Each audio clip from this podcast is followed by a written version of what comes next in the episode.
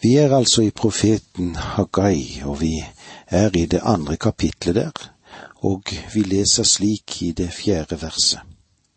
Men nå vær frimodig og sterk, Serubabel, lyder ordet fra Herren. Vær frimodig, Josva, Jehosadaks sønn, du som er øverste prest. Vær frimodig, alt folk i landet, lyder ordet fra Herren.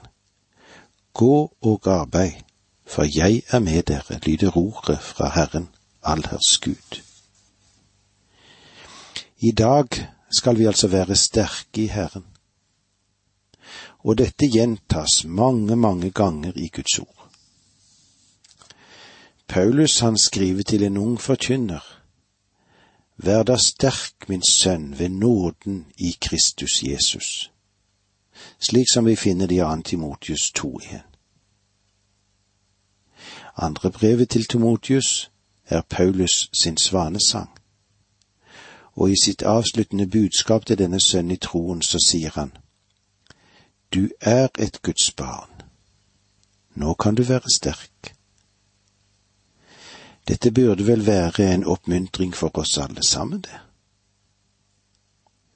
Du er et Guds barn, nå kan du være sterk.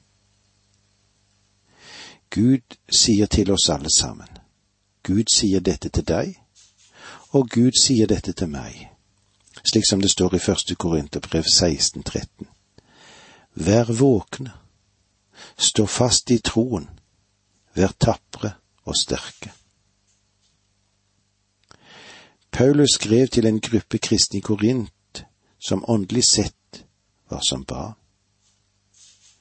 Han ba dem om å komme ut av barneværelset og begynne å bli voksne. Vær sterke i Herren.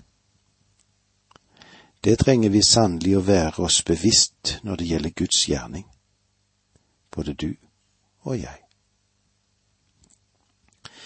Men Paulus var ikke ferdig med korinterne. Han skrev ennå et brev til dem, og han sa, for våre våpen er ikke fra mennesker, men de har sin kraft fra Gud og kan legge festninger i grus. Vi river ned tankebygninger, står det i andre Korinterbrev 10,4.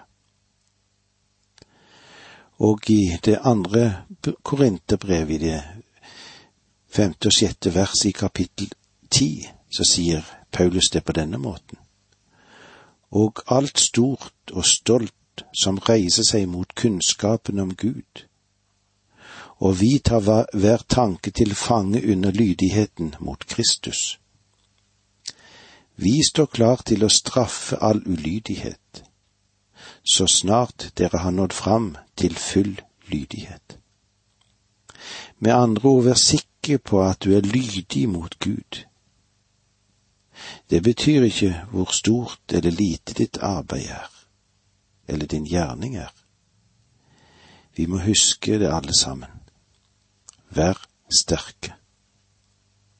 Gud sa til Israel, det er greit nok at dette tempelet ikke virker så imponerende som det forrige tempelet var. Jeg vet det, men vær sterke. Det er min utfordring til dere og dette sa han tre ganger. Nå vel, vær sterke er det første Gud sier til dem. Og det andre han sier til dem, er dette. Gjør en jobb, fortsett å arbeide.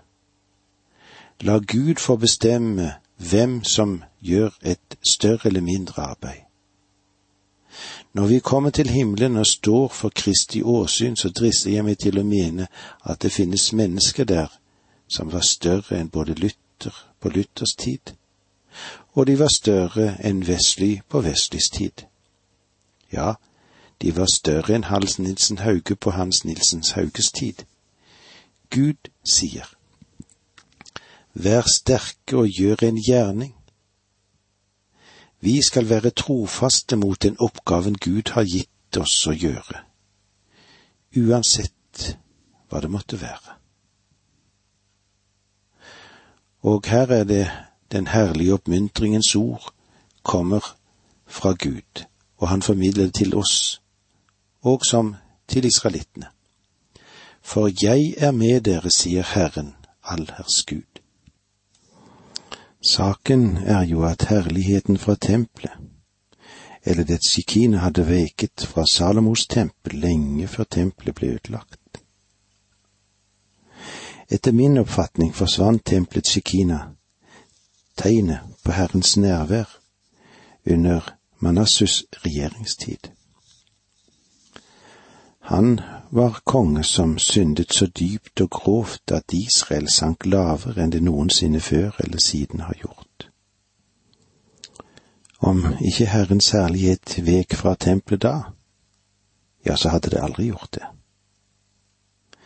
Tenker vi oss at dette kan medføre riktighet, som forlot Gud ved sitt nærvær sin herlighet, Shekina. Han forlot herligheten i tempelet omkring 125 år før tempelet ble ødelagt av babylonerne. Og derfor, på Haggais tid hadde de gamle menn som hadde sett Salomos tempel, bare sett dets ytre herlighet. For tempelets egentlige herlighet, det var Guds nærvær, det. Det var blitt borte for lenge, lenge siden. Det er ingen tvil om at den ytre herlighet som Salomos tempel hadde, den var veldig. Som du sikkert kjenner til, så står Oma-moskeen på det sted der tempelet tidligere var lagt. Og selve kuppelen er dekket med gull. Det er mulig du har sett det. I Israel har det vært innsamling for å få penger til å fornye gullet i kuppelen og denne kuppelen er forskjellige, som man kan se fra forskjellige vinkler, alt dette som en har beveget seg i og utenfor Jerusalem. Og denne kuppelen, den glinser i solen. Har du sett moskeen? Har du tenkt på hvordan Salamos tempel må ha sett ut i det klare sollyset og i disen over Jerusalem? Vi vet at det var rikt utsmykket, og at store partier var dekket med gull. Det har må vært et overveldende vakkert syn.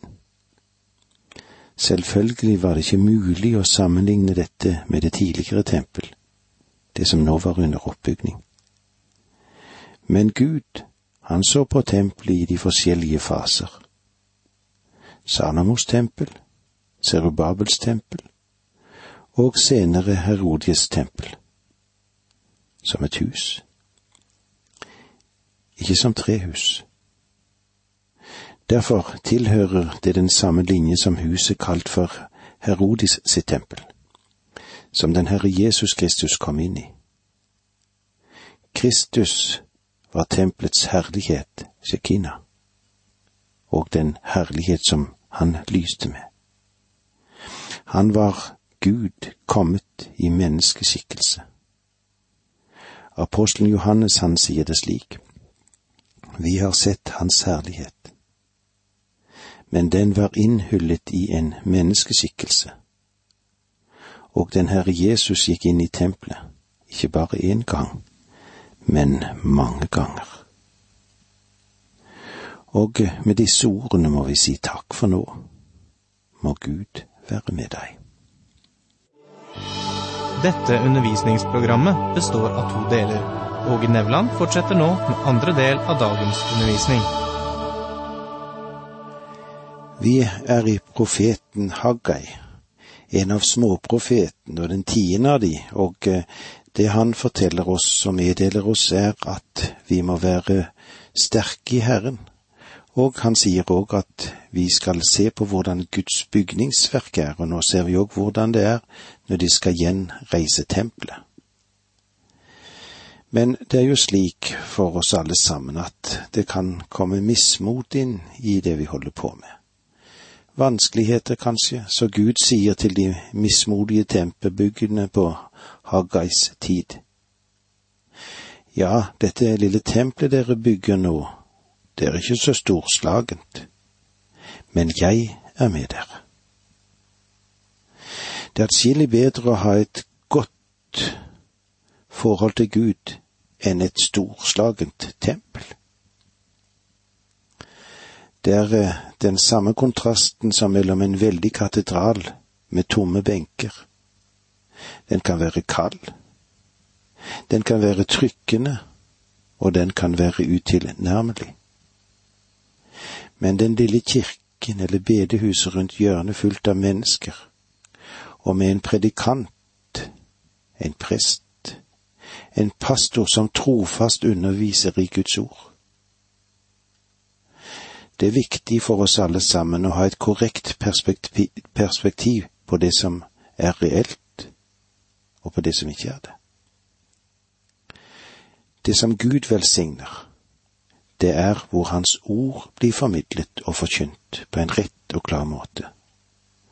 Og det andre, ja, det må leve sitt eget liv.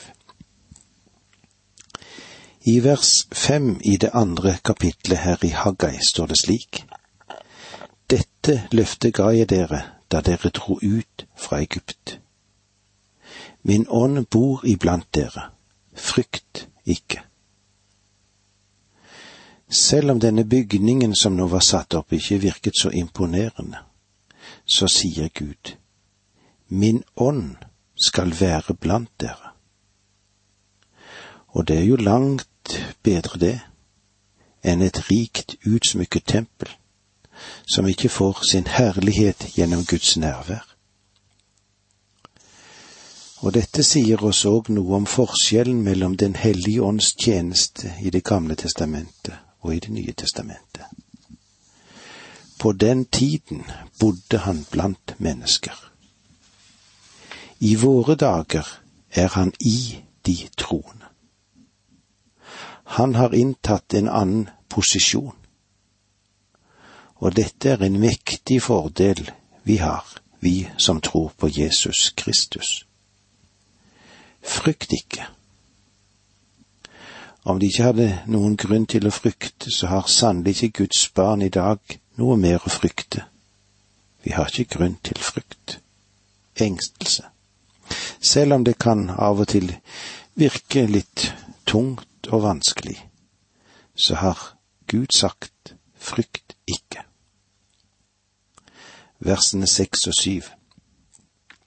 For så sier Herren allers Gud, enda en gang, om en liten stund vil jeg ruste himmelen og jorden, havet og det tørre land jeg ryster alle folkeslag så deres skatter kommer hit. Og jeg fyller dette hus med herlighet, sier Herren, allherrs Gud. Først av alt så må vi legge merke til hva Gud har å si og det han gjør her. Han prøver å få deres sinn og deres hjerter og deres øyne bort fra det umiddelbare fra det, det som er begrenset, for å få øynene deres festet ved Guds program for israelsfolket. Han prøver å få de til å se i det som ligger der i fremtiden, og som strekker seg hele veien inn i tusenårsriket. For oss som lever i dag, så er det lett å få et feilaktig perspektiv på det kristne livet.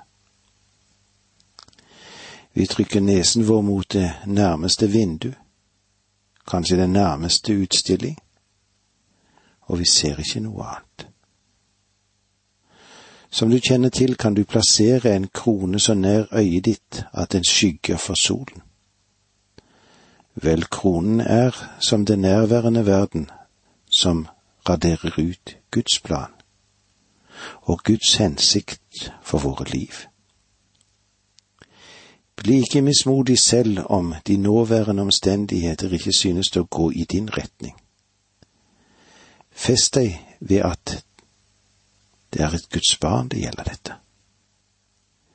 Tjener alle ting til det gode for dem som elsker Gud, dem som etter Hans råd er kalt, står det i Romerbrevet 8,28.